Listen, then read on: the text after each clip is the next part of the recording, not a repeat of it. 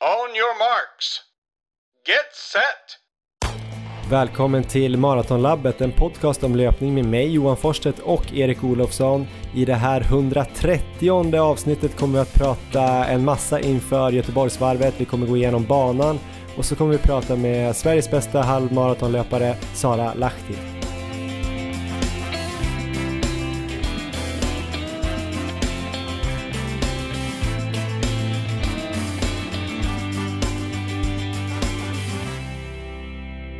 Ja men då ska ni vara varmt välkomna till Maratonlabbet. Idag blir det alltså ganska mycket snack om Göteborgsvarvet som ju går av stapeln, eh, ja vad är det, lördag nästa vecka i alla fall. Om ni lyssnar på det här på tisdagen så kanske det är ungefär 11 dagar kvar.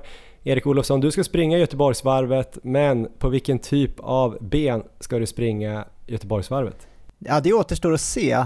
Just nu så är de fortfarande lite stela, men det blir lite bättre och bättre dag för dag. Så att eh, det kommer ju bli ett lugnt Göteborgsvarv där jag kommer springa runt och försöka njuta av atmosfären och publikstödet och förhoppningsvis eh, hjälpa några löpare till pers kanske. Så att det är mina planer där.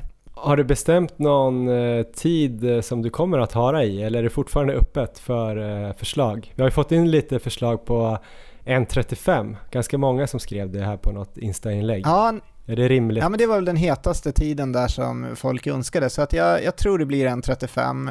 Jag ska låta kroppen här bestämma kommande dagar eh, och se hur det känns. Men eh, just nu så lutar det åt det, men vi får lägga upp något inlägg där inför loppet och sen så försöka hitta någon plats då man kan träffas inför, för det lär ju vara eh, ganska mycket folk vid starten. Men eh, just nu, är man sugen på att springa på under 1.35 så får man jättegärna ta rygg på mig. Härligt. Eh, och den här uh, låten då, Det blir bättre och bättre dag för dag. Uh, kan du sjunga lite på den? Jag tänkte eftersom dina ben blev så. Det hade varit härligt. Ja, men jag tänkte göra det under loppet där. Um, sista, sista halvan där så kommer jag sjunga på den också, så det blir lite musikunderhållning under vägen. Så att då, vill man höra det så får man vara med och springa. Nu kanske jag skrämde bort alla, eller vad tror du? Nej, jag tror att det kommer vara otroligt många som kommer springa på 1.35 i år. Underbart, men du har, sna ja, det... du har snabbare mål än så här Johan. Hur, eh, hur känns det nu när det liksom börjar närma sig ett av årets stora mål? Det börjar kännas lite nervöst. Jag börjar också känna att det är någonting stort på gång och framförallt så har det väl eh, de här känslorna intensifierats eh, de senaste dagarna eftersom jag har gjort då intervjuer med Sara Lahti som ni kommer få höra sen och även då Jens Sandahl en poddlyssnare och Göteborgs konnässör som har gått igenom banan för mig. Och då har jag insett att den här banan är ju, jag har alltid fattat att den är tuff, men nu har jag insett att den är kanske tuffare än vad jag trodde till och med. Så lite nervös eh, är jag väl eh, och lite osäker på om jag kommer klara att slå personligt rekord då som är mitt mål. Och det ligger på 1.16.18 men eh, det verkar ju som att den här banan kan vara någon minut långsammare om man får säga så. Eh, så vi får väl se, men vi, ja, träningen har gått ganska bra så jag vet inte, vad, vad ger du mig för chanser eh, att klara det här? Vi kommer väl snacka mer om det efter vi har gått igenom banan, men hur känns det? Du brukar alltid vara positiv. Ja, men jag är positiv nu med. Jag ger dig mycket goda chanser. Det är lite som när man pratar fotboll här, att du kommer göra den tolfte spelaren med dig i, i publikstödet. Så att mm. eh, lite backar också, jag är inte så orolig för det. Det hade varit värre om det var jag som skulle dit och prestera, men du är ju bra i backar, både uppför och nerför. Eh, du har tränat bra hela året med fantastisk kontinuitet. Jag tror det finns eh, goda chanser för pers, så det ska bli spännande att följa. Ja, härligt. Ja, men det har gått ganska bra nu att träna de sista två veckorna också. Så att eh, jag är försiktigt positiv. Jag hade ju sista veckan på Mallorca där som kanske inte blev så halvmaratonspecifik utan jag sprang egentligen bara i bergen. Men med tanke på de här backarna på Göteborgsvarvet så kanske det var bra. Jag har ju haft ett projekt att springa alla de här sträckorna på eh, den här leden GR 221 och till slut så lyckades jag ju eh, få in två dagar med löpning där sista veckan på eh, helt otroligt fina ställen då mellan något som heter Porte Andrach och så sprang jag hela vägen upp till eh, Valdemossa med en dag då övernattning med familjen. Mitt i där kan jag rekommendera alla som älskar trail och berg och sten att åka till Mallorca och springa den här leden i alla fall. Inte sponsrad av GR221 utan har bara lärt mig att älska den. Så det blev väl sådär. Sen sprang jag två gånger fyra kilometer när jag kom hem i eh, 3.35 fart eh, på söndagen där och då hade jag nog några för många höjdmeter i benen men det funkade i alla fall. Och så veckan som har varit har ju varit en otroligt härlig vecka. Jag har ju kommit hem till Stockholm eh, och lyckats springa tror jag fyra av mina fem pass den veckan med, med sällskap. Kul. Det har ju varit eh, lite nytt för jag har sprungit väldigt mycket själv i, på Mallis. Så det har varit eh, två distar med, med kompisar. Sen fick jag faktiskt hänga med Johanna Bäcklund och springa ett eh, pass på Enskede IP. Ett väldigt intressant eh, maratonpass som hon hade där. Hon ska ju snart springa Köpenhamn maraton. Det kanske till och med är nu till helgen när ni lyssnar här. Det är väl 14 kanske eller 15? Nej 14 tror jag. Ja eller 15. Ska hon springa Köpenhamn maraton och hon hade då på Enskede IP en eh, stege som var bara 1000, 800, 600, 400, 200. Bara ett set. Typ max. Vilan var väl 2 minuter, 1,5, 45 och 30. Så det var ett spännande pass. Spännande. Vi bombade hur, helt enkelt. Hur länge innan loppet blev det då? För henne blev ja. det väl, eh, det måste ju vara typ 10 dagar då. Om jag inte är helt ute och cyklar. 10-11 dagar. Så eh, jag antar att hon ville få igång eh, benen. Hon tränas ju av Jeff Frydenlund som var med i podden här för några veckor sedan som också tränar Kristoffer Lås och Sanna Mustonen bland annat. Så att, äh, hon vill väl, de vill väl få igång benen, få upp lite överfart kanske. Ja, såg hon stark ut? Det var ju nästan ett VO2 max eh, pass. Ja, men hon, eh, hon såg ju väldigt stark och bra ut. Såg du stark ut? Jag såg ganska stark ut tror jag. Ja men det kändes bra. Alltså det som är skönt med sådana där pass som jag sällan gör, dels så skrämde jag upp pulsen ganska betydligt mycket över eh, tröskel och jag känner ibland att jag bara hamnar alltid på, på min tröskelpuls eller lite lägre på mina pass. Eh, så det är sällan jag går över så här och nu var jag ändå 5-6 slag över tröskel. Och sen så får man väl lite självförtroende då, man kan lägga en tusing. Den kändes ändå ganska behärskad typ i 3.14 eller något sånt där vi hade på bana. Och då blir man ju kanske lite mindre rädd för 3.35 som jag ska springa på Göteborgsvarvet. Även om jag ska springa 21 tusingar på rad utan vila då. Men, men ändå, du fattar vad jag menar. Absolut. Så det var ett bra pass och sen sprang jag på fredagen. Det här var antagligen då lite för tätt in på det här banpasset men eh, det kändes som att eh, jag var tvungen att få till det innan jag åkte hit till Mallorca igen där jag sitter nu. Vi ska snacka om det snart men eh, det skulle jag göra på lördagen så då sprang jag på fredagen 4 gånger 3 km i halvmaratonfart med 500 meters joggvila ungefär en minut långsammare kanske lite drygt i vila då och då fick jag med mig en kille som heter Martin Jarbäck som är världens snabbaste gitarrist. Hade han med gitarren när ni sprang? Nej tyvärr, men han ska följa med till eh, Göteborg. Han ska åka löpartåget med oss. Ah, han ska kul. faktiskt hara mig, har han bestämt. Han är lite bättre än mig och han har gjort också den här uh, lilla gingen som vi hade när vi hade en fråga i varje avsnitt ett litet tag. Den där uh, med rumpnissarna. Just det. Så att han är ju musiker och ljud, uh, ljudproducent så att också väldigt bra på att springa. Så han ska med och då tänkte han att han kunde ha mig på det här passet vilket var jäkligt bra. Så nu har vi testat in lite 3.35 fart. Jag kände mig ändå lite sliten men klarade passet helt okej. Okay. Då kände jag ändå lite, lite hopp om, om livet. Typ så har det gått för mig. Har du tränat någonting alls? Ja, men jag har börjat komma igång lite nu på slutet. Så efter 24 timmarsloppet där så vilade jag helt i åtta dagar. Ehm, jag var ju väldigt sliten förstås, muskulärt. Sen hade jag ju ont i foten också för att jag sprang ju sista fyra timmarna på loppet med smärta under höger fot, även om det kanske avtog lite eh, där på mm. slutet när jag ökade som mest. Men, eh, men det satt nog i en fem sex dagar, så då var jag riktigt orolig att jag hade verkligen sabbat foten. Det var inte så mycket jag kände i efterhand att jag hade kunnat gjort, utan det var inte så att jag ångrade att jag sprang på mer än med tanke på situationen, men det var ändå, eh, ja, det var oroväckande. Men sen så släppte det. Så eh, just nu så har jag inte känt av foten på en vecka nästan, så att jag hoppas väl att det inte ska vara några problem. Benen har blivit eh, sakta bättre. Eh, jag försöker verkligen att inte liksom stressa igång med träningen, så jag började med lite cykel och styrka på gymmet efter, ja det var väl nio dagar sådär. Sen så har jag väl fått in nu tre lugna löppass också sen dess bara mellan 8 och 15 kilometer. i ja, men, eh, tänkt ganska lugn fart, men ändå var det något pass som har varit under, under femfart.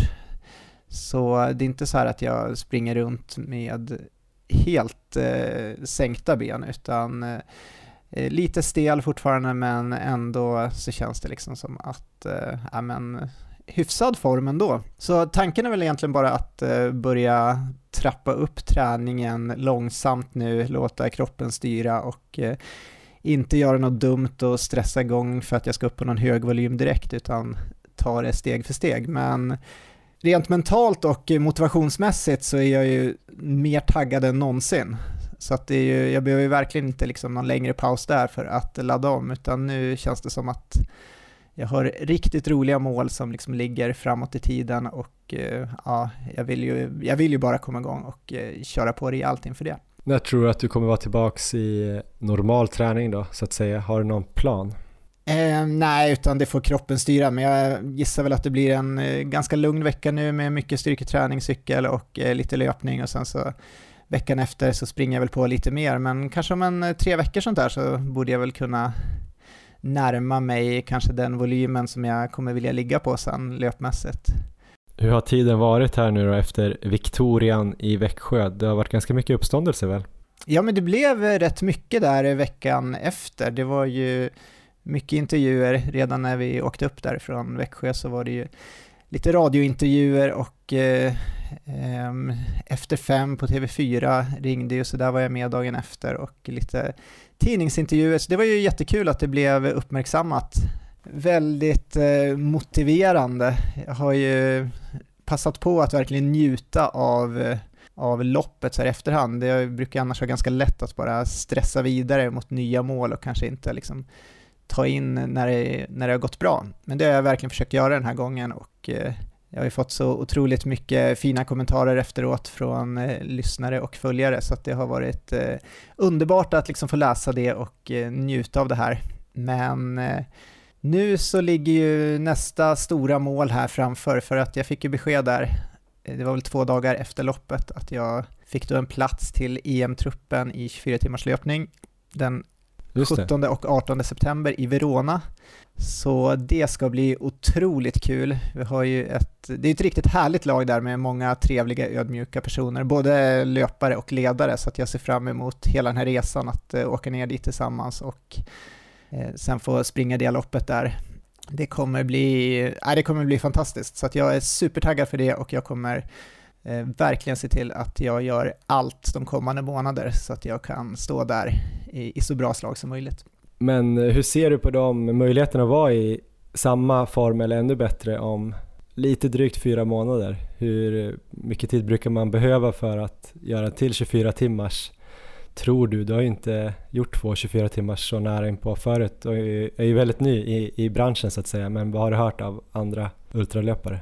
Ja, jag kommer inte göra om samma misstag som jag gjorde förra året där när jag, det var redan två, två veckor efter loppet som jag försökte springa ett 10 km lopp och sen så om det var ytterligare en vecka efter det som vi sprang buff 50 km där uppe i Bydalen. Så att efter det, det fick jag ju betala riktigt dyrt för, så att jag ska ju vara mycket försiktigare den här gången. Så att jag hoppas väl att eh, man ändå ska komma tillbaka hyfsat fort. Eh, Annika där från landslagsledningen ringde ju mig eh, sex dagar efter tror jag, för då hade de kommit på att hon var ju tvungen att eh, verkligen se till att jag inte klev på och tränade för hårt nu för tidigt, så att jag fick ganska klara direktiv där att verkligen ta det lugnt nu och lyssna på kroppen. Så det ska jag mm, tänka på, men det är ju gott om tid kvar. Det är ju inte förrän i september och Eh, det som nästan är skönast med att det gick så bra nu på SM var ju att jag fick ett kvitto på att hela träningsupplägget som jag har haft verkligen fungerar och kanske fungerade mycket bättre än vad jag ens hade kunnat drömt om. Så det är ju fantastiskt att ha med sig nu att eh, tränar jag bara på på samma sätt och med bra kontinuitet och får till det här. Och fortsätter med styrketräningen som jag har hållit uppe eh, väldigt bra hela året. Så eh, ser jag ingen anledning till att jag inte ska kunna springa mycket bättre på EM än vad jag gjorde på SM.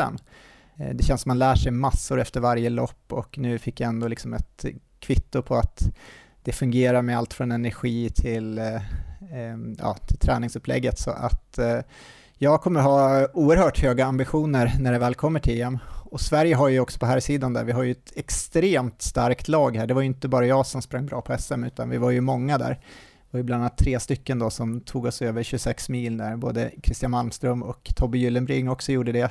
Plus att det är flera andra starka i laget, så att vi har ju väldigt goda medaljchanser i lagtävlingen där. För där räknas ju de tre bästa resultaten ihop då. Stora ambitioner kommer jag ha på EM. Ja, men det ska bli spännande. Vi har ju snackat en del om dig här. Eh, vi är ju, eller jag är ju på Mallorca igen då, på det här lägret som vi skulle ha eh, ihop egentligen. Men du är hemma, jag är här. Det kanske inte blev exakt eh, lika många anmälda som jag hade hoppats från början. Så för att kunna hålla i lägret så blev det så att eh, bara jag åkte till slut. Men du ska veta att du är med oss ändå Erik. Vi snackar om dig ja, hittills varje dag och även på passen och sådär. Många som imponerade eh, av det. Eh, även mina grannar kom ju hem. Eh, tjejen där är från Växjö, var hemma och hälsade på sina föräldrar med familjen. Folk inne i stan då, citat, pratar om dig för att de hade varit nere och kollat eh, på det där loppet. Eh, så du är lite lokalkändis i Växjö. En annan granne satt med sitt barn i sandlådan på gården och eh, började prata lite löpning för jag hade löpvagnen med Alve i. Började snacka lite löpning och så sa han så här, men såg du häromveckan eh, en kille som sprang eh, 26 mil på 24 timmar tror jag det var. Jag bara, ja det är min poddkompis. Han bara, Jaha. och så tyckte jag det var roligt att det var Axel Pileby som var i Efter Fem också. Han har jag jobbat med på TV4 Sporten. Jag skrev till honom, var det du som pratade med Erik i, i programmet? Eh, det är ju min poddkompis. Han bara, ja, jag kan ha råkat säga att han är sjuk i huvudet. Eh, jag vet inte. Gjorde han det? Jag tror det, men jag tog inte illa upp. Vi träffade ju Axel i Brasilien också när du var där och ja, bevakade OECD. Vi var ute och käkade en stor buffé tillsammans. Det tror jag inte han kommer ihåg, men det kommer jag ihåg. Det var trevligt. Ja, det var där du la grunden. Ja, nej men vi har det fint här på, på Mallorca. Det hade varit kul att ha med dig här också, men det blev som det blev. Hur känns det där hemma? Nej men det, det är bra här. Det är klart man skulle vilja ha lite uh, samma väder och uh, härliga miljöer som ni har där nere, men uh, det får bli senare för mig. Det är kanske lika bra nu med tanke på mina ben är att jag inte är med och pressar dem för hårt där uppe med massa bergslöpning. Nej, du hade ju inte kommit upp för berget igår. men det, lär väl komma upp lite bilder sen på Instagram och sånt där så att jag ska titta på dem och tänka på er. Ja men det är härligt att vara här och vi får se hur bra jag kan hålla mig till mitt eget schema när jag är här och springer. Eh, jag tror att det ska gå bra. Vi har ett samarbete med Löplabbet, Sveriges största och bästa butikskedja för löpning. Åtta fysiska butiker och då löplabbet.se där man kan eh, köpa alla deras produkter, snabb leveranstid eller kort leveranstid kanske det kallas. Och de har ju också en massa tipser och guider och lite annat content. Och idag har jag varit inne på löplabbet.se och kollat på en grej som hade ganska bra timing med vårt avsnitt. För vi har ju en intervju med Sara Lahti här inom kort. Och om man vill ha ännu mer av Sara Lahti så finns det ett litet eh, inslag med henne. Tv-inslag kan man väl kalla det på löplabbet.se eh, det verkar vara något samarbete med Asics, vi har inget samarbete med Asics men eh, man får eh, se Sara springa lite och prata om sin träning. Så det tipsar jag att ni ska kunna gå in och, och kolla på eh, när ni har lyssnat klart på det här avsnittet. Ingen springer som du kallar de den här reportageserien. Det finns lite andra reportage där också. Väl värda, fina drönarbilder då, eh, signerade Bjarne Koning. Ja, det ska man kolla på. Gå in på löplabbet.se. Vi har också ett eh, samarbete med Flowlife, eh, Erik, eh, det här svenska företaget som gör mycket återhämtningsprodukter men även en del träningsprodukter. Och eh, återhämtning måste du bli riktigt bra på som springer så här himla långt. Och vi brukar ju prata väldigt varmt om Flowpillow och eh, folk kanske tycker att vi tjatar om Flowpillow hit. Men den tycker vi verkligen är bra. Den är med mig här på lägret och jag antar att du har kört den här nu de här senaste veckorna. Det har jag gjort, jag har kört en massor. Sen så såg jag en sak på Instagram som jag varit lite sugen på. Det var ju Elof Olsson, eh, den svenska mästaren på 100 kilometer som återhämtade sig med eh, en maskin som jag tror kallas för Flow Feet. Han satt i alla fall mm. i soffan där och eh, Ja, det är som en maskin man sätter in fötterna i och sen så får man massage. Och den där var jag otroligt sugen på där, när jag, speciellt när jag hade lite ont i foten där efter loppet. Så att eh, jag trånade efter den, hade inte den hemma så att jag fick köra med en boll där under foten, så jag gjorde det istället. Men en sån eh, tror jag att jag ska investera i framöver. Ja, jag har testat att köra Flowpillow på fötterna, eller fötterna på Flowpillow kanske man ska säga. Det funkar ju lite, det funkar ganska, ganska hyfsat tycker jag. Men den här Flowfit måste ju vara eh, ännu bättre tänker jag. Annars borde de väl inte ha gjort en sån produkt. Men eh, det får vi fråga om vi får prova. Och sen eh, såg jag nu också på hemsidan när man kommer in där så sitter ju Tobias Montler i några sådana här stora byxor, sådana här massagebyxor som man har sett vissa har. Jag har aldrig testat sådana byxor. Kallas det byxor? Framtidens massagesystem står det här. Flow Pressure heter de här. Jag tror att ni har sett det på Instagram. Det är nog väl något tryck eller? Som gör att man får något eh, bättre återhämtning. Det måste vi också testa Erik. Ja men det känns som något vi borde testa så att eh, ja. Gå in på eh, flowlife.com och eh, titta där. Det finns också en kod då som alla lyssnare kan få lite bättre priser. Det är då Koden är Maratonlabbet och det ger 20% på alla produkter på ordinarie pris och 10% på alla rabatterade produkter. Tack Flowlife. Ja, men då har vi kommit fram till en intervju med eh, Sara Lahti som ju är Sveriges bästa löpare på halvmaraton.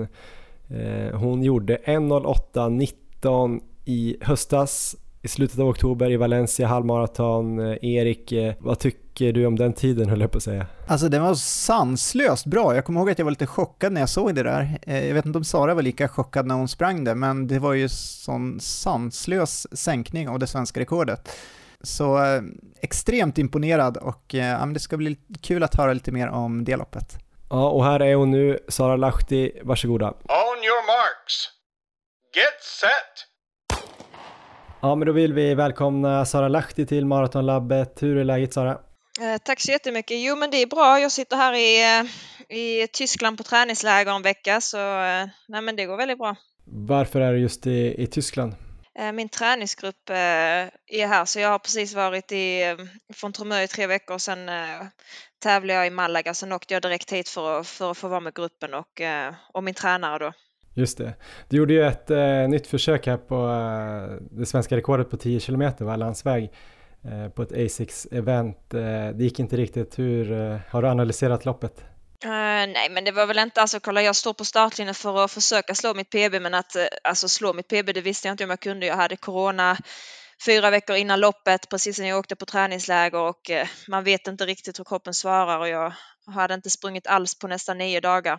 Bara legat i sängen med 40 graders feber. Så jag visste väl att, nej, jag vet inte, det är väl mer media som, som vill blåsa upp att jag ska slå mitt svenska rekord. Men för mig var det mer bara att få, få in ett bra lopp och, eh, och nej, men försöka springa så snabbt jag kan. Jag menar alla löpare försöker väl nu slå sitt eh, personbästa men eh, ja, det lyckades jag inte med. Men det är väl ingen, det är väl ingen större besvikelse ändå. Nej, jag tänkte vi skulle fokusera på ett annat lopp lite grann idag. Eh, ett lopp som du sprang i fjol faktiskt. Ibland får man ju kolla bakåt också tänker jag. Och den 24 oktober mm. slog du ju faktiskt svenskt rekord och ditt eget svenska rekord på halvmaraton med över en och en halv minut när du sprang in på 1.08.19 i Valencia halvmaraton. Eh, hur kommer du ihåg det loppet idag? Jo, men det, det, det är färskt på minnet. Men det kändes, det loppet kändes väldigt, väldigt bra. Alla träningar, in, träningarna inför det loppet eh, gick eh, precis som planerat. Så eh, jag hade väl ganska stora mål för det loppet, men att jag skulle springa på 1.08.19 hade jag väl inte riktigt i tanken, men jag ville gärna under, eh, under 69 minuter. Det var väl det stora målet och sen att det blev så snabbt, det var, nej, det var väl en liten överraskning för mig själv med. Det är ju ingen annan svenska som har sprungit under 1.10 vad jag vet. Du hade väl rekordet på 1.09.58 innan. Eh, hur högt rankar du det loppet eller den tiden? Jo, men det är väl nog en av mina bästa lopp. Känslan i loppet var väldigt bra och jag måste säga jag tyckte faktiskt inte det var jättejobbigt. Jag sprang ju faktiskt eh, halvmaraton i Dresden året innan på 1.09.53 tror jag det var. Mm, just det. Och då var jag verkligen helt slut. Men det här loppet bara flöt på och jag hade väldigt bra flow hela vägen. Så eh, nej, men jag tror det finns nog mer att kapa på den tiden. Mm. Det var ju ett väldigt jämnt lopp Eh, jag vet inte exakt hur Valencia halvmaraton ser ut mer än att det ska vara väldigt, väldigt platt hela tiden. Men eh, andra milen gick ju nästan exakt lika snabbt som första milen. Eh, kanske att splitten mellan 15 och 20 var lite långsammare men hade du liksom en specifik tid du sprang på eller hamnade du i en passande klunga då? Nej, alltså vi har hamnat i en ganska bra klunga där, men vi var väl nog fem, fem, sex stycken män tror jag. Och sen hade jag en kille från Norge som jag visste ville springa på runt 68 minuter. Ja. Så jag tänkte, nej men jag hänger, hänger bara på han och sen ser jag liksom hur länge jag orkar. Men sen så var det så många män runt omkring mig och vi hittade verkligen ett perfekt flow och vi började inte för snabbt och vi la upp loppet precis som passar mig. Jag vill gärna ha jämnt hårt tempo hela vägen och inte eller hade jag velat ha negativa split men, eh, nej, men det var väldigt jämnt och hårt så det, nej, men det kändes bra och de, de tog liksom, det var väl inte så jättemycket vind men den vinden det var det tog de och jag bara kunde hänga på och, och nej, men bara fokusera på att springa och inte tänka på tiden. Det är ju eh, Göteborgsvarvet här snart, eh, det är en halvmaraton. Är det liksom, har du något tips för hur man ska springa ett halvmaraton? Är det så eh, som du gjorde där eller? Ja, men alltså det, nej, men det är väldigt olika. Vissa tycker om att, att starta kanske lite långsammare och sen springa sista halvan snabbare. Det tycker jag är ganska svårt så jag skulle nog säga att hålla liksom bra högt jämnt tempo men inte bränna dig första 10 kilometer utan verkligen känna att du har krafter kvar och, och kunna ge ja, men sista halvan för det blir tufft där runt 14-15 kilometer. Så då, då får man ha lite krafter kvar så man orkar hålla tempot hela vägen. Mm. Har du några mentala knep för hur man håller de där sista 6-7 kilometerna? För de brukar ju verkligen vara eh, tuffa. Ja, de brukar det och som jag sa i Dresden var de väldigt, väldigt tuffa men det är bara att alltså, fokusera på, bara fortsätta springa, kolla rakt fram och bara köra på. men jag har väl inget, nej, alltså nej, jag bara tänker på jag måste till mållinjen, sen får jag vila. Men som till exempel Valencia så kände jag mig väldigt lätt hela vägen så jag hade väl nog aldrig en sån riktig dipp att eh, liksom att jag inte skulle kunna orka hela vägen in utan jag hade ja, men, liksom högt bra tempo men inte att jag gick helt in i väggen. När jag har sprungit halvmaraton bra så har det känts ganska, kanske inte bekvämt men alltså första fem känns ändå helt okej okay. och sen 5 till 10 börjar man känna att det blir lite jobbigt och sen är det andra halvan som är jobbig. Du som är så pass bra på så hög nivå och springer kanske ännu närmare din tröskel eller vad man ska säga. Hur känns det för dig i början? Du sa att du var trött redan i början, men hur trött? Um, ja, men du menar i Valencia? Ja, men precis. Nej, men alltså nej, men vi, nej, vi höll väldigt bra jämnt tempo. Jag var inte trött alls faktiskt där, utan jag, Alltså jag, nej men jag kände, det är klart det är snabbt tempo, vad höll jag, liksom 3.14 per kilometer, så det är, man måste springa på, man måste springa på ett halvmaraton och det är inte 10 kilometer, så det, det är klart, jag tycker att början är mer jobbigt att jag vet att jag måste springa, liksom, du vet efter en, två kilometer har jag fortfarande liksom 19-20 mm. kilometer kvar att springa, så det kan jag tycka är tufft, men eh, tempot i sig, alltså hittar man bara det här flowet och en bra grupp att springa med och nej, men så tycker inte jag det är speciellt jobbigt. Nej. Jo, som i Dresden då var det tufft efter 15 kilometer, men innan det så tycker jag det känns hyfsat bra faktiskt. Just det. Jag tänkte, eh, din förra säsong, eller ditt senaste år om man tänker från maj i fjol, när du eh, OS-kval, eller gjorde den här OS-kvaltiden på stadion. Eh, och så fram till nu har ju varit väldigt, väldigt bra. Det är väl egentligen kanske OS-loppet som du inte är supernöjd med antar jag. Men hur kom du tillbaka efter OS och hur såg träningen ut fram till oktober där? Du sprang ju i början av augusti i, i Tokyo och sen slog du två svenska rekord i oktober, både på 10 km och 21 km. Vad hände däremellan, alltså översiktligt? Jo, men alltså jag, jag hade ju tränat på bra hela sommaren och jag visste att jag var i väldigt bra form och sen så sista veckan inför OS så fick jag ont i mitt knä och jag fick åka hem en vecka tidigare från mitt höghöjdsläger och få en kortisonspruta och alltså uppladdning till OS var inte väldigt bra. Sen är jag inte heller väldigt duktig i värme och det visste jag med så jag visste att det skulle vara ett stort problem.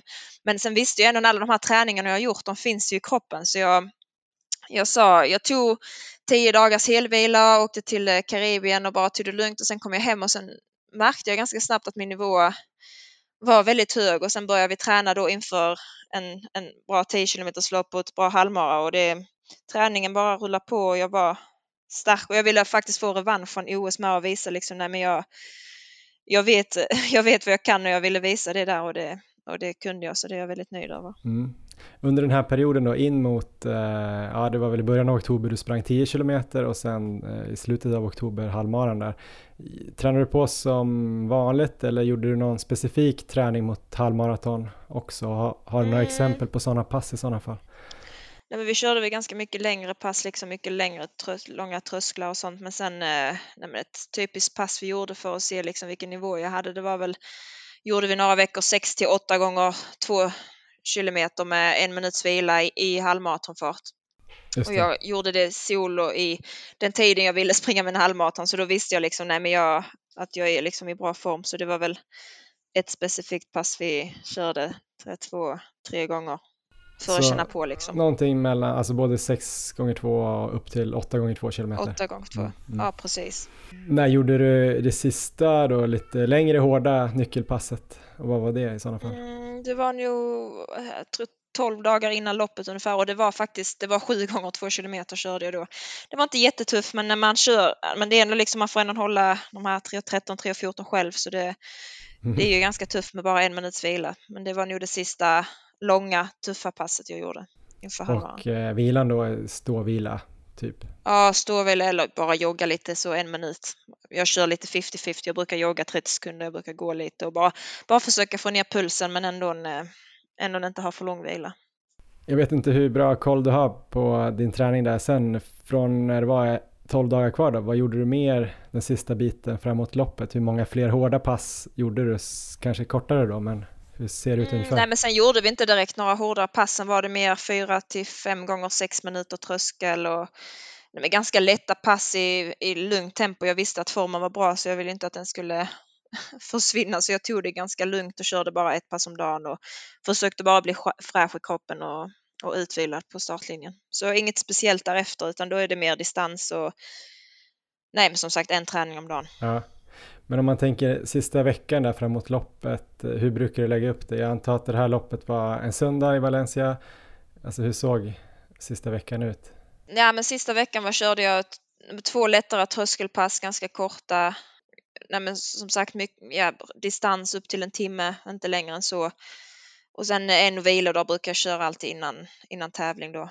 Körde du den dagen innan eller? Två dagar innan? Nej, jag sprang söndag så jag tog det på fredag när vi reste. Resdagen brukar jag köra vila. Om jag kan, om det passar. Just det, och lördag bara något lättare joggpass eller? Ja, men då bara en halvtimme, 40 minuter och, och lite drills och stegringar och, och så. Inget speciellt faktiskt. Och de här två sista trösklarna, vilka dagar körde du dem? Kommer du ihåg det? Mm, jag körde torsdagen körde jag bara tre gånger sex minuter kommer jag ihåg och sen körde jag på tisdagen Mm, ja, men kan det vara sex gånger tusen eller något väldigt, väldigt lätt. Ja, men här har man ju ett recept för framgång hör jag ju. Ja. jag tänker eh, nu då? Hur känns det nu? Du har ju visat fortsatt bra form. Eh, även om du fick bryta Valencia Marathon så slog ju ett nytt svenskt rekord på 10 km landsväg här. 31-18 ja. januari. Eh, du har tränat bra då, förutom coronan där då. Hur ser du på din form nu och hur bra är Sara Lahti i år? Jo, men det har gått bra. Jag har tränat på faktiskt ganska hårt de senaste veckorna så jag, träningen har gått bättre än vad den har gjort förra året. Eh, det säger kanske, ja, det säger ju säkert något, men det ska ju, det ska ju göras i tävlingar med. Det är ju där det räknas. Men eh, nej, men jag känner mig stark alltså, har tränat på bra och fått in all träning jag behöver. Och, så det ska bli en spännande sommar. Mm, hur ser du på resten av säsongen och eh, VM i juli och EM i augusti bland annat? När börjar du tävla? Ja, nej, men jag, precis. Jag vill ju bli, alltså jag vill vara som bäst på mästerskapen så jag försöker väl att inte toppa formen för mycket nu, alltså så tidigt på säsongen. Det har jag väl gjort lite förut, att jag varit väldigt bra i maj, juni och sen kanske det har gått lite sämre istället för att lite bättre. Så jag, nej, men försöka träna på bra nu men ändå försöka toppa formen senare in på säsongen. Just det. Och hur gör du det då? Nej, men att ändå träna på ganska hårt nu så att man inte får den här formtoppen och sen eh, ja, men hålla, köra liksom mina alltså längre tröskelpass och ändå hålla liksom, liksom the basic uppe och, och sen när man kommer in närmare tävlingar få upp liksom lite kortare pass och snabbheten och lite mer mjölksyreträning och så. Mm. Kan ju tänka mig att det kommer kunna bli varmt på VM också i Eugene. Eh, hur tänker du kring det? Jo, det, jo ja, förra året var det väl runt 40 grader på American Trial så det, nej, det kommer bli tufft. Jag får väl hoppas att eh, det kommer bli lite kallare nu, men, eh, nej, men vi får ju träna i värmen och, och liksom och förbereda oss så gott vi kan och det blir ju säkert inte samma fuktighet som det, som det var i Tokyo för det var ju helt extremt och den dagen vi sprang 10 km det var ju men det stod helt stilla där så det tror jag inte kommer att hända i eh, Eugene. Så nej men förbereda mig så gott jag kan och, och sen, eh, ja, sen får man se där. Det är bara att köra på. Är det tänkt att du ska springa bara 10 000 på VM och sen dubbla i EM läste jag någonstans? 5 och 10 000? Ja, ja precis. Jag hade, det får man se lite. 10 000 på VM eh, och sen eh, Nej, men sen se lite hur kroppen känns. Alltså, EM är ju en av de sista tävlingarna på säsongen så alltså, är man liksom fit och ready to go så, så är ju en dubbel häftigt att kunna köra men eh, det är ju 10 000 finalen är ju vilket fall som helst är först så att det är det viktigaste och sen eh, kan man ta det andra som en bonus. En sista grej då, jag har sett på din Instagram och dina stories där att eh, du och Meraf Bata verkar ha umgåtts lite här i vinter. Har ni tränat mycket ihop eller är ni jag kanske borde ha läst det här någonstans men hur ser det där ut? Ja, jo men vi har kört, vi var i Portugal tillsammans två gånger i januari, februari och sen var vi från Tromön med tillsammans. Så, jo men det gör vi, det är ju perfekt träningspartner mera för vi är ju på alltså, ganska samma nivå och vi kan eh, peppa varandra i träningen och vi har väldigt kul tillsammans med så det, det blir liksom ingen tävling mellan oss när vi ska träna och det tror jag är väldigt viktigt om man ska kunna köra som vi gör tillsammans. Men vi har väldigt kul och nej, men stöttar varandra. Och, nej, men så det är väldigt bra träningskompis jag har i henne. Ni slår ju varandras rekord hela tiden här på 5 och 10 ja. kilometer. Hur ser, hur ser den rivaliteten ut? Nej, men det är ju perfekt att ha en så duktig tjej i Sverige, liksom att man kan spåra varandra och slår hon det så blir jag motiverad att slå det och, och samma för henne så jag tror, eh, nej men vi bara gör varandra bättre och, och vi hjälper varandra mot snabbare tider. Härligt, det låter superbra inför sommaren. Eh, stort tack Sara för att eh, du tog dig tid att vara med lite i Maratonlabbet igen och så får jag hoppas att det blir någon mara här också framöver. När blir nästa mara tror du? Ja, precis. Eh, jo, men det får vi se. Eh, first things first. Först barnsäsong nu och, och kunna göra nej, men, hela säsongen utan några skador och sen nästa år får vi se igen. Det är ingen stress. Nej, det är det verkligen inte. Du är ung. Ha det bra så hörs vi. Hej då. Ha det bra. Ja men det där var alltså Sara Lahti och om man slår på sådana här äh, löpkalkylatorer då fattar man ju att 1.08.19 är hyfsat rimligt om man gör eh, 10 km landsväg på 31.18 är det väl vad hon har gjort och så har hon gjort runt 31.10 på bana tror jag.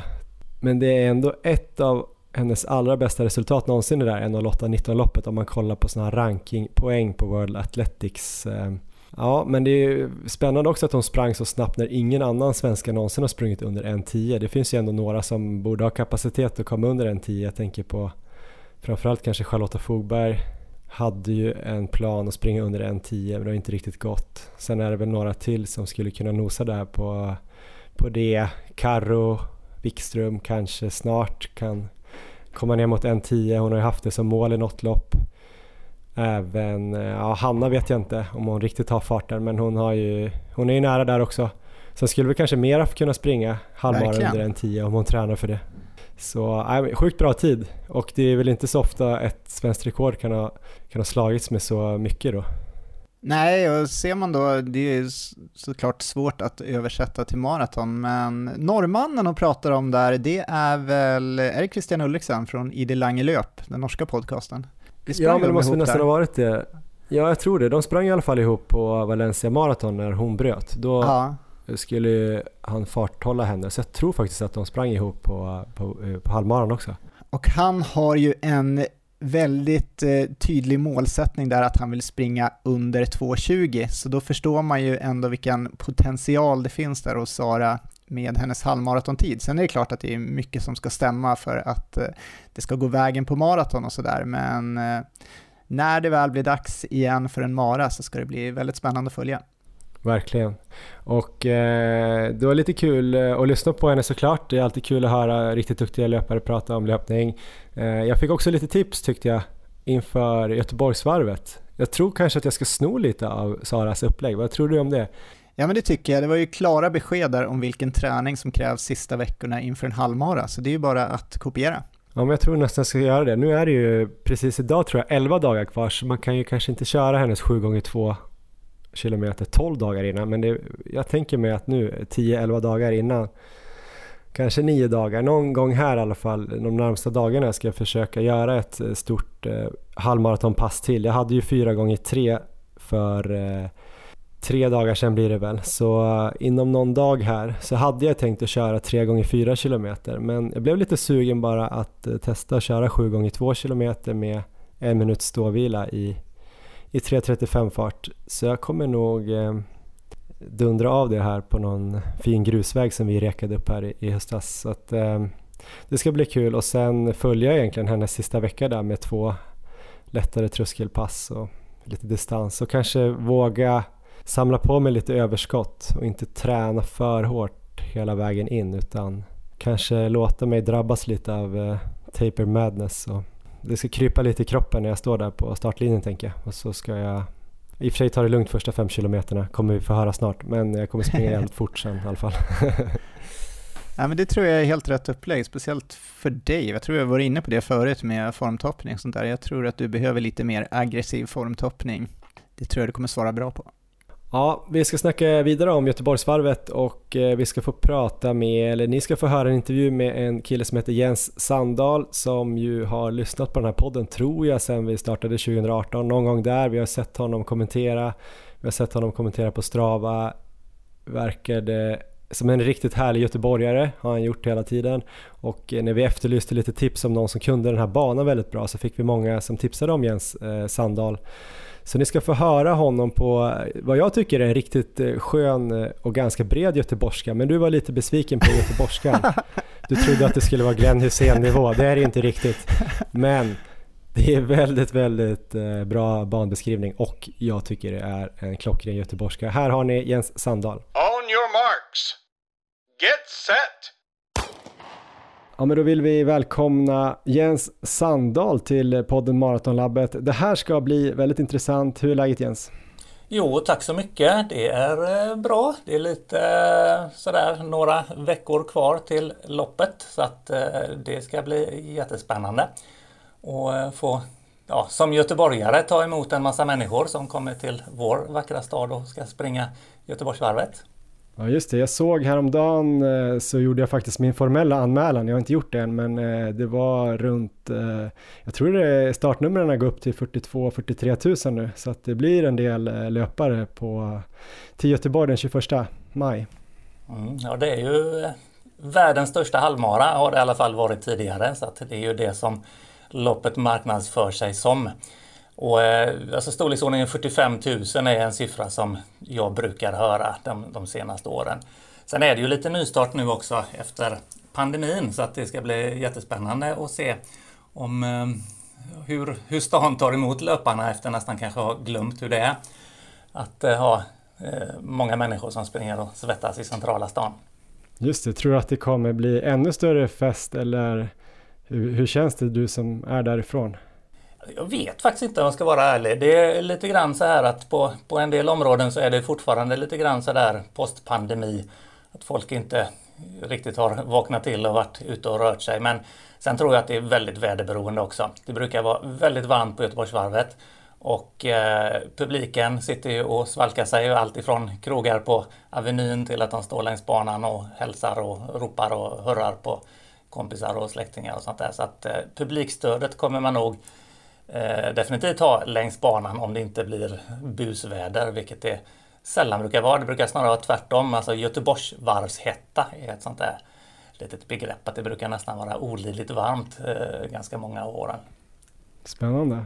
Vi ska ju prata om eh, banan här på Göteborgsvarvet. Varken jag eller Erik har ju sprungit det här loppet så att eh, vi måste ju få lite koll på hur banan ser ut. Vi gillar ju ändå att nörda ner oss och analysera lite vart man kanske kan trycka på och vart man ska vara lite försiktig och så. Och eh, då har vi tänkt att vi ska prata med dig och först kanske vi ska motivera lite varför vi pratar med dig, eller du ska få motivera. Eller det är inte du som har sökt till det här, det är jag som har tacksamt fått ta emot dig som gäst här. Men, men du har lite koll på varvet Berätta. Ja, Jag har ju det. Jag var ju tio år gammal när Göteborgsvarvet startade första gången så att jag har ju på något sätt lite grann levt ett parallellt liv med Göteborgsvarvet och som tioåring och ganska så idrottsintresserad så började man ju följa eh, loppet på ett eller annat sätt. Eh, och det är, det är en rätt stor grej för gemene man i Göteborg det här att Göteborgsvarvet eh, äger rum. Så att även folk som inte är särskilt idrottsintresserade brukar liksom vara fascinerade. Det är, dels är det kändisar som springer, dels är det jobbarkompisar som kanske liksom springer eller gör sin enda fysiska aktivitet per år. Och sen kanske då man själv kanske också gör det. Och sen då så ehm, eh, har jag ju sprungit x antal år nu sen jag blev biten av löparbasillen så här i medelåldern. Men eh, jag har det lite grann i DNA det här så att min egen far han eh, sprang, jag tror det var de 19 första varven eh, i rad. Och sen har han sprungit några gånger till. Så att jag stod ju liksom i starten redan första upplagan och tittade när det blev tjuvstart. Och sen år två, jag tror farsan hade start nummer sju då så att man var väl lite stolt, tittade på när de sprang. Eh, och sen är det ju, alltså det är ju lokala löparkändisar som faktiskt har vunnit flera gånger och det är ju Mats Eriksson och Midde Hamrin jag tänker på i första hand. Att även om de har jättefina meriter som löpare så att i, i mina ögon så är de faktiskt alltså Göteborgsvarvssegrare. Och det är det som eh, eh kanske liksom är nummer ett på deras CV i, i, från mitt perspektiv. Just det, och hur många gånger hade du själv sprungit varvet? Eh, jag tror jag sprang två, tre gånger som eh, i slutet av 80-talet, början av 90-talet när jag var övre tonåren. Och nu har jag sprungit varje år sedan eh, 2013 så att ja, minus pandemin så är det väl tio år nu som man har sprungit i kontinuerligt. Just det. Så då borde du ändå vara tillräckligt kunnig för att kunna prata om den här banan med oss tycker jag. Ska vi börja gå igenom banan lite grann? Yes. Är du och, redo? Eh, jag är redo. Och eh, ja, vad säkert alla vet som på något sätt ska springa det är ju att starten den äger rum i Slottsskogen i Göteborg. Och Slottsskogen är ju kanske för utomsocknes mest känt för Slottsskogsvallen där det har slåtts världsrekord eh, historiskt sett. Eh, Gunder Hägg och Arne Andersson hade ju sina bataljer där för länge sedan. Sen har ju arenan använts för konserter också. Och för göteborgaren så är ju Slottsskogsområdet ett rekreationsområde. Det finns djurpark och liknande. Mm. Och i och med att det är jättemånga som kommer till start så är det ju väldigt många startgrupper också så att eh, man kommer inte vara ensam vid starten. Och då gäller det ju såklart att hitta till rätt startgrupp. ställer man sig i en för tidig startgrupp så lär man bli diskad. så att eh, det är väl 13.00 är första starten, sen så är det under en lång period som som eh, de olika startgrupperna startar. Men hur eh, brukar de här eh, startgrupperna vara? Även om man är rätt sidad, brukar det vara väldigt trångt i de här grupperna eller brukar man hamna rätt bra? Eller är det, är det någon vits att försöka vara där tidigt och komma långt fram i sin grupp med det? Min, min egen upplevelse är att folk är rätt så, eller väldigt artiga i de här grupperna. Det, det, är ingen som på något sätt vill, eller det är få personer som vill tränga sig före. Utan man, eh, man ställer sig, är man sidad så bör man ju stå i, i den gruppen som springer tillräckligt eller i ens eget tempo.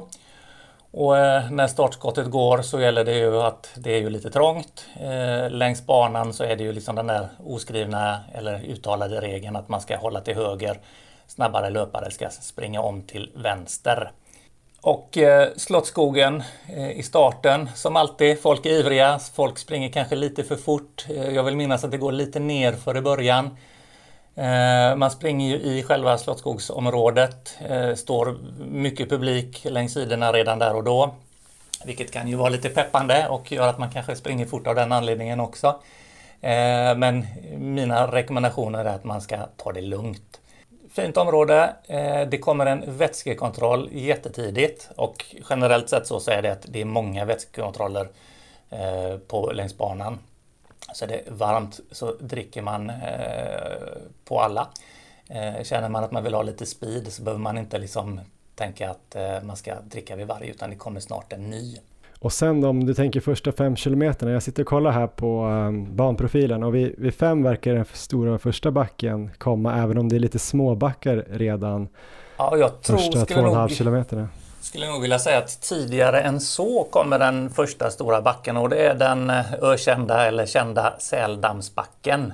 Ah, Okej, okay. det är den som kommer strax innan två och en halv då. Den såg nämligen liten ut jämfört eh, med den som kommer sen vid fem. Så att, ja, precis. Nej, men, och, det är den och återkommer till den om en liten stund. Men Sällandsbacken det är en ganska brant backe. Eh, så att är man eh, inte riktigt vältränad och på något sätt kanske liksom funderar om man inte pallar hela distansen så bör man kanske gå upp för den. Det är en sån backe som brukar nyttjas för backintervaller och liknande. Okay. Och den heter Säldamsbacken för att det är en säldamm vid sidan om. Den hinner man kanske inte se under loppet. Eh, men eh, den är också lite lumsk då för att det är ju tidigt på loppet så att man har ju krafter så att man kanske tror att man kan tjäna lite tid genom att springa om en massa löpare där. Men eh, tänker man så om man inte riktigt har krafter så får man väl betala igen på slutet. Sen så föregrep du liksom en, en, en, ganska så stor stigning och det är ju Älvsborgsbron som man eh, passerar efter 5 kilometer. Och mellan Slottskog, Slottsskogen och eh, Älvsborgsbron så springer man genom Majorna och det är ju liksom ett bostadsområde. Eh, kanske inte sådär jättekul eh, ut ett, ur ett löpsightseeing-perspektiv. Eh, ja, man springer längs parkerade bilar och i bästa fall så står det folk och hurrar från balkonger och lite folk ute på stan. Sådär. Just det. Eh, men Älvsborgsbron den är som sagt brant. Eh, där bör man också då kanske ta det lite lugnt om man inte har krafter.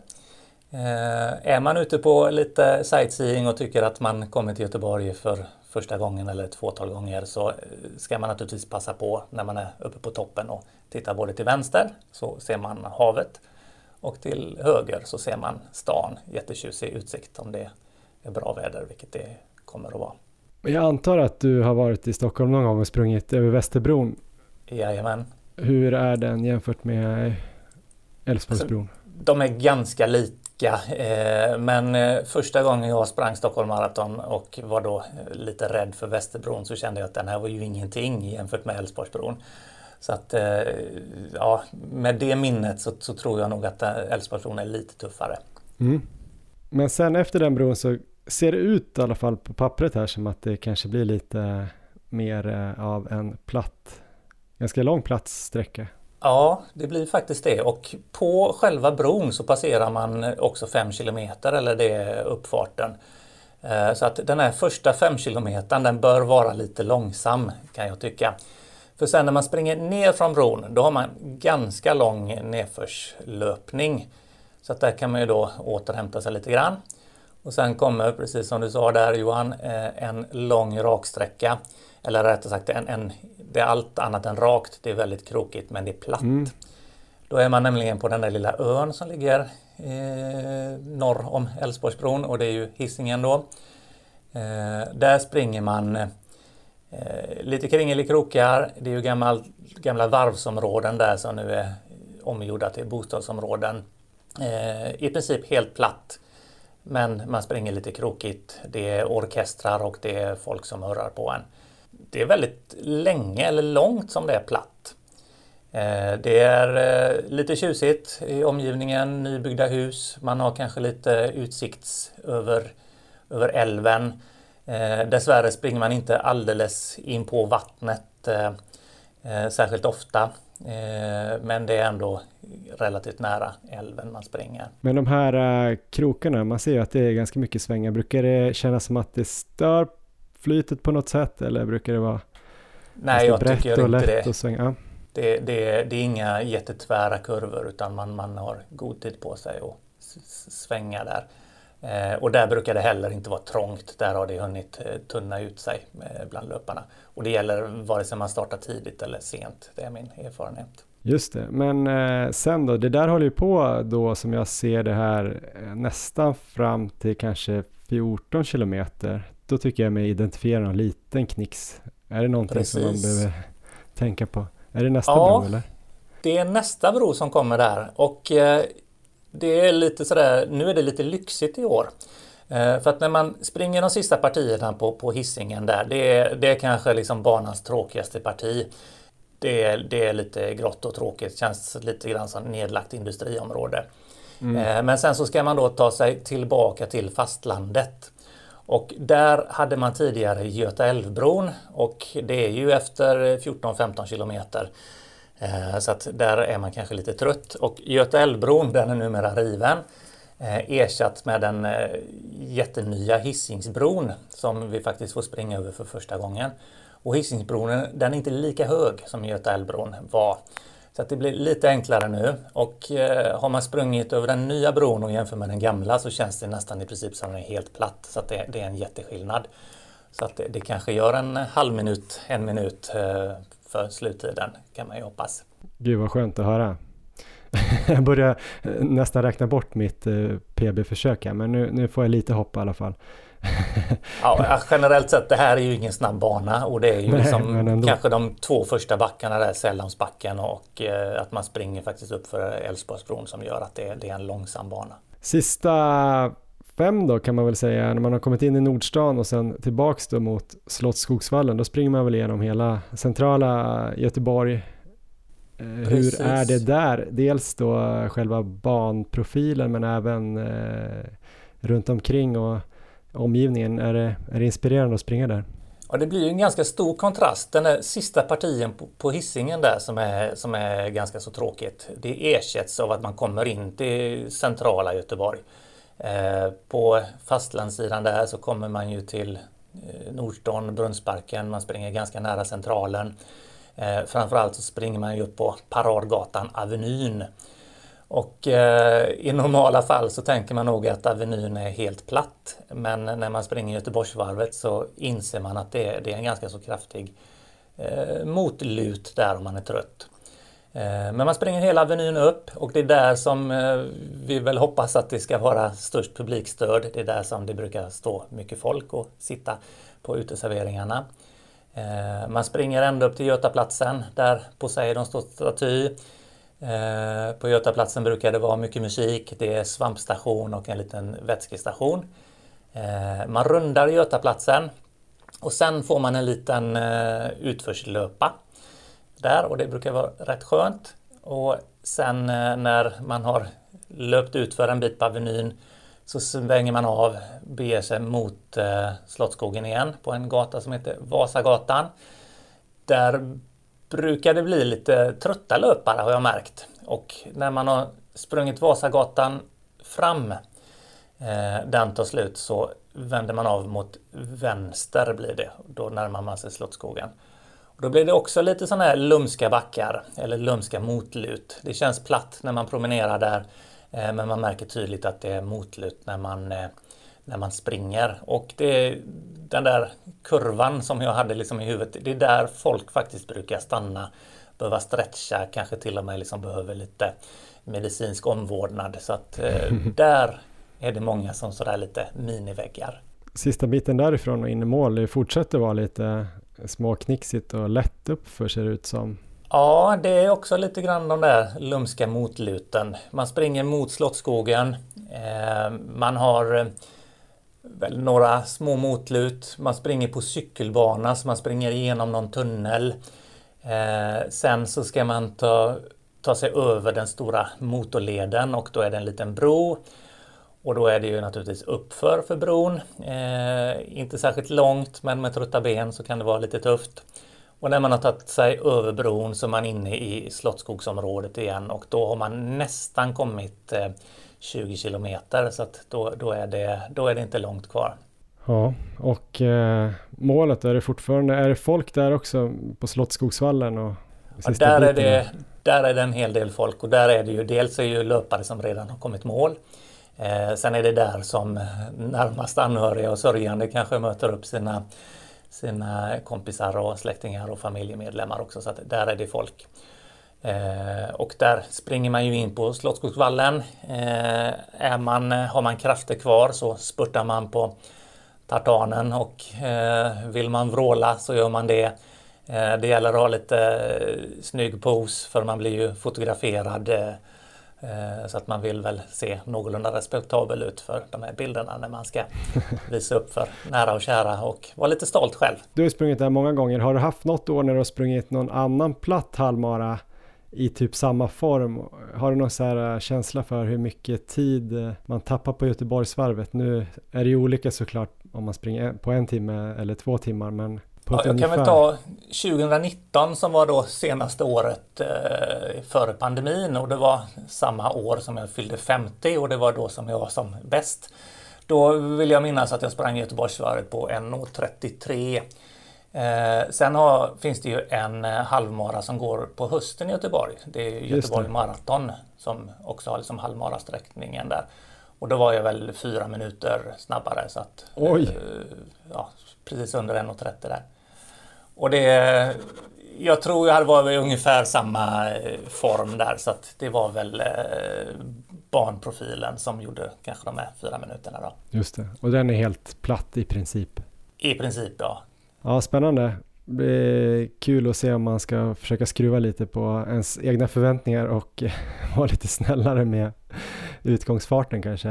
Eh, annars kan det bli en jobbig dag i Göteborg känner jag. Men vi får väl se Precis, och som sagt den är ju inte platt och det är ju, man är ju lite olika, man har ju lite olika profil som löpare. Så att har man varit och tränat i, i kuperade miljöer så det är klart att man, man eh, kanske gillar den här banan bättre än, än, än en platt bana. Och då eh, plattbanespecialister är väl kanske de som förlorar mest på, eh, på att banan ser ut som den gör. Ja, men jättebra Jens. Eh, det var en formidabelt bra bangenomgång tycker jag. Har du något sista tips för alla drygt 40 000, kanske 45 till och med, som ska springa? Alla kanske inte lyssnar på Maratonlabbet, men ändå. De som lyssnar och kanske liksom inte har i, i första hand eh, ambitioner att göra en jättebra tid så tycker jag liksom att man ska njuta av att eh, man får se Göteborg. Det blir en, en eh, folkfest. Det är mycket folk som bär fram en. Så att eh, kanske happening snarare än på något sätt att man, man måste prestera. Det, det är väl det medskicket jag kan ge. Jättebra Jens. Eh, tusen tack för att du vill vara med och eh, jag antar att du ska springa den 21 maj. Så stort lycka till och hoppas vi ses på något sätt. Ja, tack så mycket och det får vi väl se till att göra helt enkelt. Ja men det där var alltså Jens eh, Sandahl om Göteborgsvarvet. Ni får väl avgöra själva hur bred den där göteborgskan var. Eh, får vi höra lite eh, riktigt bred göteborgska eller det är också något du kommer ta sista fem kilometerna på varvet för din lilla pacegrupp där? Ja, men jag tänkte sjunga den här sången på bred göteborgska. Så att det... Ja, det är bättre och bättre dag för dag. Eller något sånt. Så som sagt. Fan, nu sjöng jag igen. Ja. Jag ska sluta med det. Ja. Det kanske blir en stor grupp jag får med mig nu med allt jag har utlovat. Alltså jag kanske ska springa på en 34-55. Ja, det vore skönt. jag vet inte riktigt vad jag ska säga om det här med banan. Alltså, jag har ju hört alltid tidigare att det inte finns någon riktigt snabb eh, halvmaratonbana i Sverige. Det finns det ju säkert, men inget stort lopp kanske. Kungsholmen runt har ju någon backe, Stockholm halvmaraton har ju några backar. Göteborgsvarvet ska ju kanske ha ännu värre backar, men jag hade inte tänkt att det skulle vara en bro som var mycket värre än Västerbro. Nu sa jag att de var ungefär lika i och för sig. Eh, men eh, den där Säldamsbacken, det lät i och för sig ganska gulligt att springa i den där Säldamsbacken. Men eh, de första fem kilometerna verkar ju som att man ändå ska, ska försöka komma in i loppet på ett bra sätt och jag vet inte, han snackade ju om att han hade haft, var det tre minuter, fyra minuter skillnad på samma år på två olika banor. Eller Göteborgsvarvet mot en platt halvmara. Det känns lite oroväckande, men jag får väl hoppas att det är rätt som du säger, att jag är bra i backar. Ja men det tror jag och sen så, jag tycker vi ska fokusera på just den här folkfesten som kommer komma. Eh, jag blev väldigt taggad på att springa runt där i centrala Göteborg med det massiva publikstödet. Det har ju varit ja, flera, flera år egentligen med lopp i industriområden i Jordbro och i Vindbron där i Uppsala, ingen publik, eh, blåsigt och grått. Så det här blir ju fantastiskt på precis alla sätt. Eh, så lite backar, det tror jag, det tror jag bara kommer pigga upp. Så att jag, jag, tycker du, jag tycker du ska behålla den här mm, taggningen och eh, den positiva inställningen som du har haft hela året. För att jag, jag tror du kommer leverera i Göteborg. Och det tror jag många andra kommer göra också. Jag tror det kommer gå snabbt.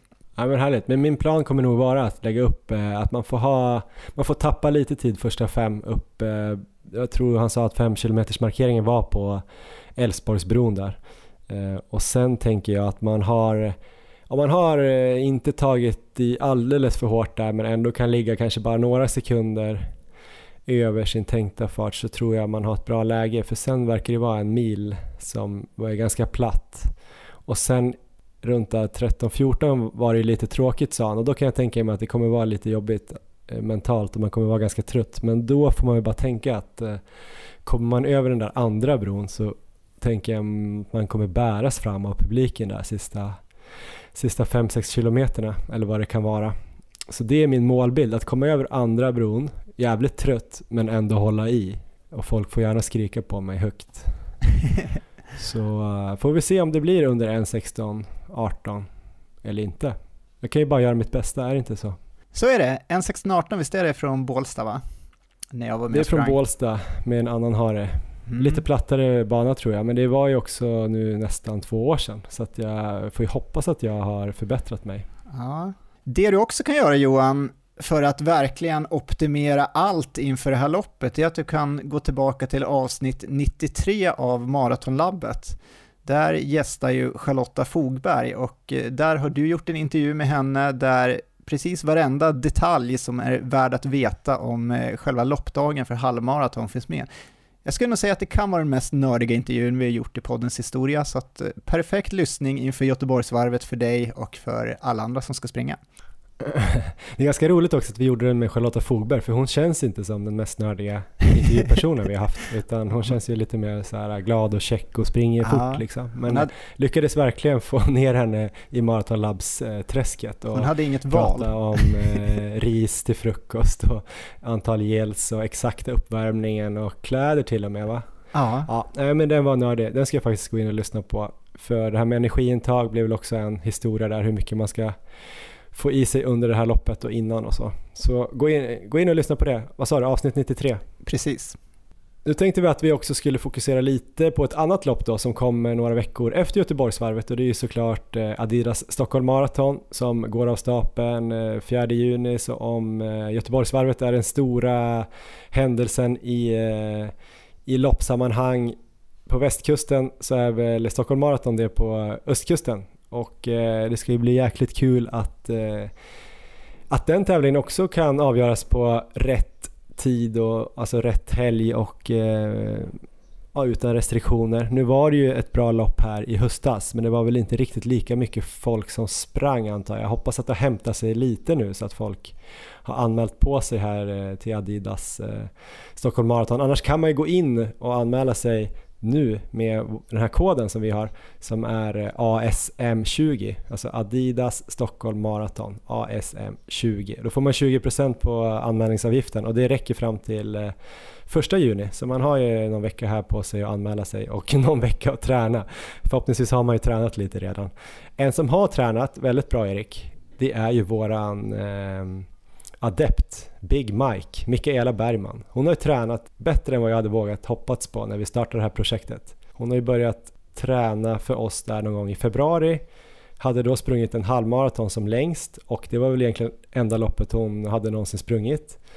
Eh, som hon sprang då på en 42 lite drygt i eh, höstas och hon har tränat och tränat. Jag är så imponerad som hon har levererat hela det här året. Det har ju varit eh, allt från träning till lopp, ehm, satt i princip varenda pass och eh, en otroligt härlig inställning både på 10 km loppet och halvmaran så att eh, det ser ju väldigt, väldigt positivt ut inför Stockholm Marathon. Det ska bli mycket spännande att följa. Mm, där har hon ju målsättningen att springa under 3.30 och och på vägen dit har hon sprungit både Adidas premiärmilen och Adidas premiärhalvan. Och eh, målet var ju att springa under 45 på premiärmilen men där sprang hon 45.03 var det va? Ja. Och sen var det ju under då en 40 på premiärhalvan vilket hon gjorde med ganska god marginal fast hon själv kände att hon hade lite halvdålig form där. Men hon sprang hon ju på 1.38 så att eh, det lovar ju väldigt gott. Eh, med de resultaten i ryggen så tror ju vi att hon kommer fixa 3.30 på på Stockholm Marathon även om den är lite backigare den banan. Ehm, vi ska snacka lite mer om de här sista tre och en halv veckorna in mot loppet. Men först ska vi höra lite då vad Mikaela själv har att säga om eh, träningen den sista tiden. Så här kommer Big Mike. Ja, men då har jag fått med mig Big Mike, Mikaela Bergman på tråden. Hej Mikaela, hur är läget med dig? Hej, det är bra med mig. Hur mår du? Jag mår jättebra faktiskt. Jag är ju ja i Spanien och springer. Men du är i Stockholm och springer, det är ju inte så mm. dåligt det heller. Eh, tyvärr har ju inte vi hunnit springa ihop än som jag i princip lovade i förra avsnittet och det är jag hemskt ledsen för. Det blev lite stressigare än vad jag trodde när jag var hemma och vände. Men det kommer ett pass framöver. Du har ju klarat dig superbra själv. Vi tänkte snacka lite om de sista två veckorna. Mm. Du var ju med senaste avsnittet och snackade om din fantastiska Eh, insats på premiärhalvan där du persade och sprang på 1.38. Hur kändes det dagarna efter det då, den veckan? Um, då ska jag tänka tillbaka. Um, men det var nog, det har varit, alltså allt som allt så har det varit lite upp och ner med energi och hur pigg kroppen har känts och sådär. Uh, men jag tror att dagarna efter så jag, jag kände mig ändå helt okej okay, pigg i kroppen. Eh, och sen så fick jag ju något lite tuffare pass där i mitten på veckan tror jag att det var. Eh, ja, just det. Och, ja, och det, då blev jag glad för då, då hade jag ändå energi. Men sen kände jag att dagarna efter det att jag blev lite sådär trött och sliten igen. Så det är lite så det har gått. Jag har kört något lite hårdare pass så kanske jag blivit lite mer sliten än tidigare. Och så har det hållit på så. Men eh, det har gått bra. Och ni har ju dessutom slängt på några extra kilometer och sådär. Eller hur? Ja, men jag kollade precis här. Du har sprungit, eh, veckan efter premiärhalvan sprang du ju faktiskt 76 kilometer, vilket ju är nästintill mängdrekord om man räknar bort den här Paris maratonveckan tror jag. Ja. Eh, så det är ganska hårt ändå efter en halvmaraton så det är inte konstigt att du var lite seg i början tänker jag. Och sen sprang Nej. du väl 72 eller 73 den här veckan som var. Mm. Eh, du sprang ju bara fyra dagar, eller fem dagar efter premiärhalvan fick du springa tre gånger fyra kilometer i ja. maratonfart. Eh, men då sprang du lite vilse. Men hur kändes det passet? Um, det kändes bra så länge jag inte sprang i backar. Alltså då tog energin slut direkt. Okay. Uh, men um, jag kände ändå att jag kunde hålla det tempot som ni sa att jag skulle springa. Uh, förutom då att jag sprang en ny rutt och lite vilse och mycket övergångsställen och hej och hå. Så det kanske inte alltid blev så. Men eh, jag kände att det, att det gick i alla fall. Jag tycker det är lite härligt så här med dig ändå för att du är ju relativt ny inom den här eh, löparsvängen där man är eh, lite nördig. Om du ens har blivit nördig vet jag inte. Men det är så skönt att man tar en sån... De flesta löparna tror jag bara har sin rutt för sina maratonintervaller. Men ah, du bara, jag testar, springer mot Årsta och sen får vi se om jag hittar. Och så blir det kanske en backe mitt i. Men det är ju skönt mm. också att du, det är ju härligt, det är ju löpglädje och eh, det är ju bra med backarna inför Stockholm. Så det var ju ett grymt bra pass och det är ju intensiteten som är det viktigaste, inte om du håller exakt 4.55 på varje av de intervallerna tänker jag. Sen hade jag ju önskat lite också att få springa lite i backar för jag var orolig för att jag ofta känner att jag tar lite slut så fort det kommer uppförsbacke. Just det. Men jag har sett det. Du hade ju ett pass eh, förra veckan som var ett jojo-pass bland annat. Ehm, mm. Det var 14 eh, kilometer där du skulle springa varannan kilometer i, jag tror vi hade sagt 4.50 och varannan i 5.00. Mm. Något sånt. Där la du i alla fall in Västerbron såg jag. Och ja. sprang superbra. Eh, jag tror det höll, snittet var på hela passet, eller de 14 var väl snittet under 4.55. Ja. Eh, hur var det passet? Um, ja men det, just det passet är det roligaste och det som har gått bäst de här två veckorna. Okej. Okay. Um, ehm, så ja, jag, jag, tycker att det är väldigt roligt och skönt när man får springa lite snabbare en kilometer och så får man jogga ut lite den efterkommande. Så man, ja, det känns som att man vågar ta i kanske lite mer. Men det var kul, det gick bra. De snabba kilometerna där hade du mellan 4.26 till och med till 4.48 skrev du själv här och sen eh, den långsamma då, där du ska vila var i 4.56 till 5.05. Det är ändå ganska imponerande för det är ju din marafart ungefär, tänker vi. Hur kändes den långsamma då, kilometern, skulle du säga? Fick du återhämtning där i typ 5 fart? Nej, jag tror inte att jag kanske återhämtade mig så mycket som tanken var. Ehm, jag tror att jag sprang på lite för att jag kände att jag hade en bra dag och att jag ville passa på. Ehm, men det är en, alltså för mig, jag vet inte om det alltid är så och för, för dig och er, men att för mig sänka tempot med fem sekunder gör mycket. Eh, ja. Det känns liksom. Mm. Ja, men det är det nog ganska mycket för många. Ja, men det var ett grymt pass och sen hade du här i, i söndags ett, eh, ett långpass där du sprang 30 eh, kilometer. Det var också lite olika farter va? Jag kommer inte exakt ihåg vad som var ordinerat men det som jag var väldigt imponerad av var ju att eh, totalen på det här passet var ju 5.04 snitt och mm. då var det ändå lite långsammare där i, i början, alltså uppvärmning och så. Sen skulle du springa lite i marafart och lite, lite halvsnabbt sådär. Eh, hur kändes det passet? Um, det kändes bra fram till 25 och då mm. började jag faktiskt få lite ont i höfter. Alltså det började liksom dra lite på olika ställen i ben och sådär. Just det. Men eh, och då, man blir lite, eller jag blir lite nojig då. Eh, så då tar man mm. det kanske lite mer försiktigt. Men det var, det kändes, alltså de längre passen känns inte lika slitsamma som de gjorde innan. Och det, det är jag glad över. Och sen så kom jag ut lite tidigare så jag hann, hann springa innan alla gick ut på sin söndagspromenad.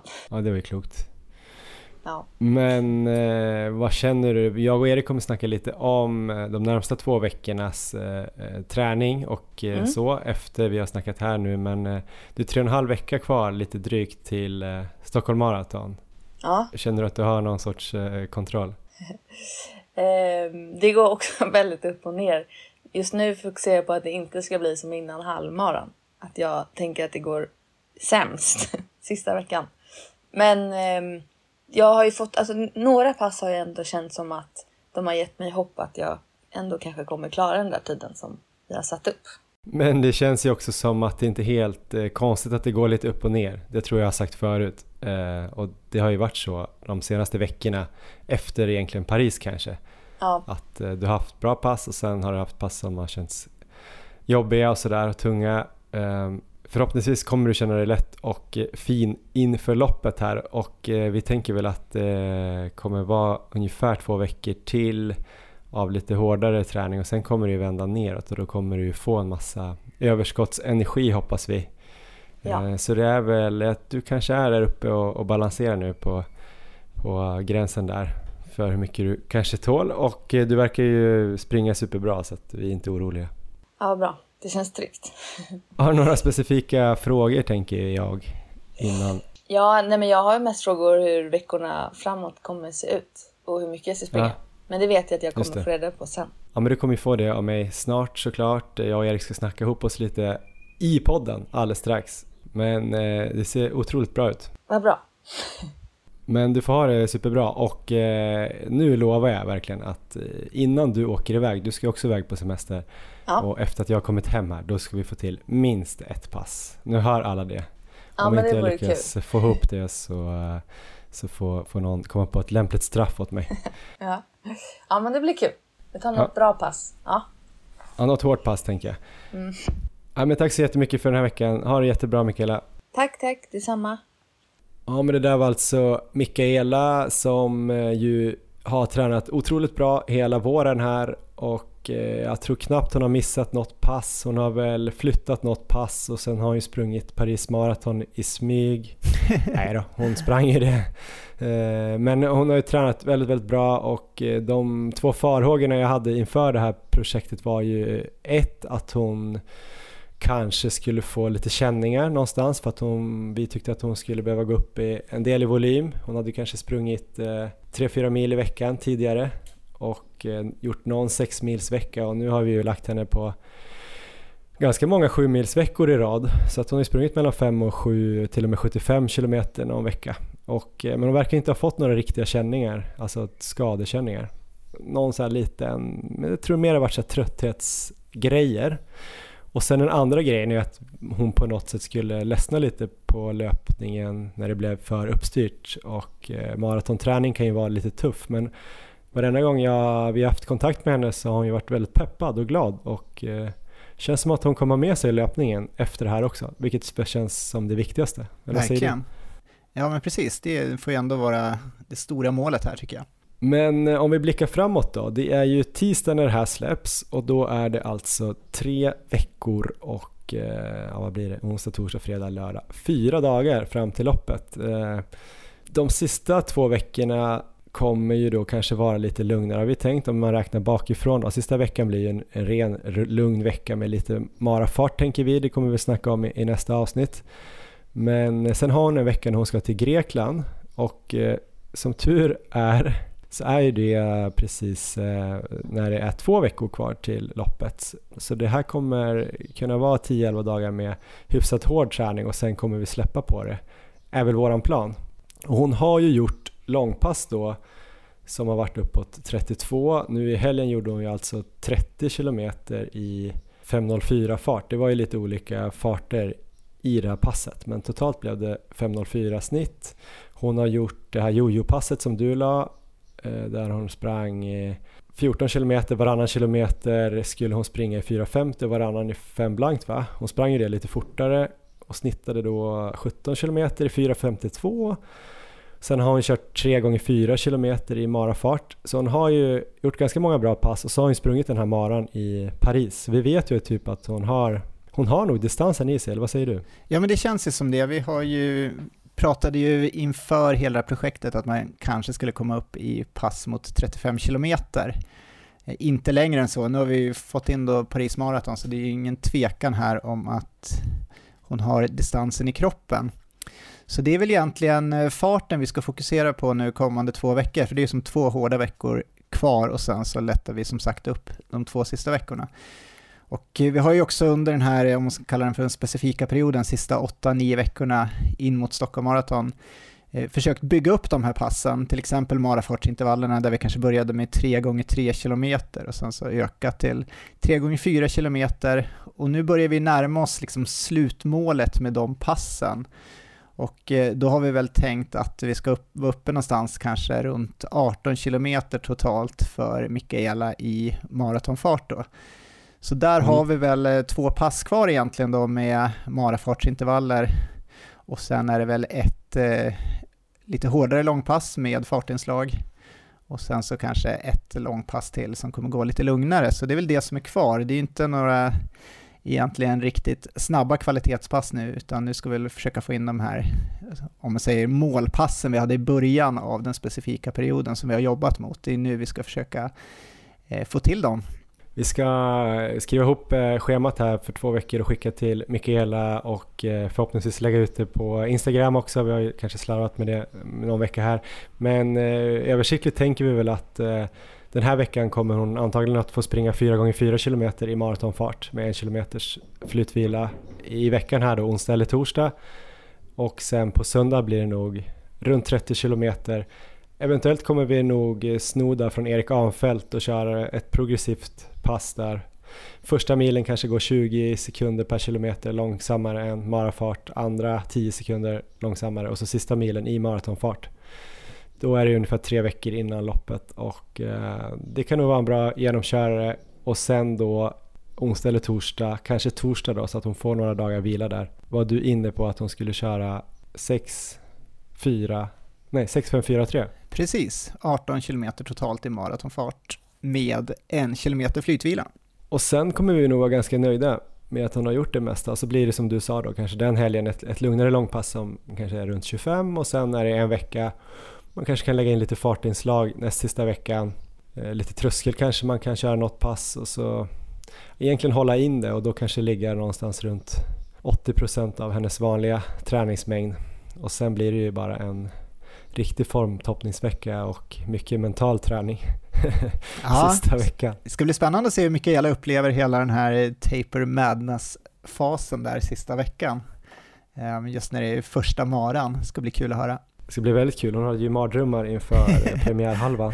Det får ni höra mer om i nästa avsnitt antar jag. I nästa avsnitt får ni också höra då hur det har gått för oss i vårt första Göteborgsvarv. Om du har eh, sjungit fint och lyckats höra kanske då under 1.35 och om jag har slagit mitt eh, pers där då. Men vad kommer du göra här framöver? Har du någonting? Du kommer bara lyssna på kroppen eller? Ganska skönt ändå eller? Eller ja. blir du stressad? Nej, jag är inte stressad nu utan det är en ganska skön period och eh, det funkar väldigt bra med styrketräningen vilket eh, jag är ganska glad över för då jag gillar ju att träna styrka i gymmet också så det är mycket fokus nu på benstyrka och bygga på det. Eh, lite cykel och sen lite löppass. Det är en ganska härlig period känner jag. Eh, en plan som ja. jag väl kan nämna här med, ja, inför då EM i Verona, det är att jag kommer nog försöka höja min distansfart och min långpassfart eh, lite grann, alltså en marginell höjning. För att jag hade ju väldigt många kilometer i ungefär 5.20 fart då inför SM, bara för att nöta in den här tänkta tävlingsfarten och bli så effektiv som möjligt i det. Så nu tänker jag väl att jag ska försöka sänka ner den i någonstans, kanske runt 5-10 istället på många av de här riktigt långa passen och försöka bli väldigt effektiv där. Jag tror det kan vara ett eh, ganska bra upplägg för att eh, lyckas förbättra prestationen ännu mer framöver. Så lite så kommer jag göra, men absolut ingen stress, utan eh, träna på efter hur kroppen känns och sen så sakta liksom öka på träningsmängden. Så eh, ja, men jag är motiverad, det ska bli riktigt roligt och det ska bli riktigt roligt att höra nu, eller höra och se hur det går för dig i Göteborg. Ja, men det ska bli kul. Det ska bli framförallt, jag ska fokusera på att det ska bli jäkligt kul att åka ner och, springa det här eh, loppet. Vi kommer ju åka det här tåget då som jag har pratat om, eh, som går samma dag från Stockholm ner eh, vid halv nio snåret tror jag. Eh, jag har ju visualiserat eh, hela den här dagen ganska mycket just eftersom vi har planerat med det här tåget. Då. Så ja, vi kommer ha med oss ett gäng på det här tåget. Eh, några elitlöpare och några mindre elitlöpare men mycket sköna karaktärer. Så jag tror det kommer bli ett härligt gäng där, tre timmar ner till Göteborg Sen är det väl en och en halv timme till starten går vid ett för eh, ja, de som står i de första startgrupperna. Och sen åker vi väl hem där vid halv sju så det blir ju liksom loppet kanske, jag vet inte om man kan duscha där, eh, heja på eh, folk på, längs banan, sen kanske gå och käka en bit mat och sen åka hem på det här tåget och spela en lite podd och höra lite olika race reports. Så att, det kommer bli en härlig dag och hoppas verkligen att göteborgarna går ut och eh, hejar och att det kommer 40 000 som ska springa också. Det vore ju helt mäktigt ju. Jag har inte, aldrig varit på ett sånt stort lopp. Och det här kan man ju följa då på, man kan ju se hur det gått på Instagram, där vi heter Maratonlabbet. Mm. Eller gå in och kolla på Strava sen. Kommer du springa med pulsband? Jag skulle vilja att du gör det för en gångs skull nu så att vi kan följa din pulskurva där och eh, se hur mycket du har fått ta ut dig på slutet. Ja, vi får väl se. Annars kan du kolla från det här passet på Enskede. Eh, det var ju kul att se att, att jag ändå kunde få upp pulsen rätt högt. Då tog jag ändå i. Ja, vi får se hur jag gör. Eh, jag lovar ingenting. Men man kan ju kolla då på Strava som du sa, Johan Forsstedt, Erik Olofsson. Mikaela Bergman ska man också följa. Eh, om man vill se hur hon tränar för att göra 3.30 på Stockholm Marathon. Ja, och så kanske jag lägger ut ett sömnschema då kanske på Instagram. Nej, det kommer jag inte göra. Men det vore bra om någon kunde lägga ett sömnschema till mig och bli arg på mig om jag inte följer det. Kan du göra det, Erik? Ja, det ska jag fixa. Stort lycka till nu i Göteborg. Tack så jättemycket. Det ska bli kul att ses. Hej då. Hej då. Ha det bra.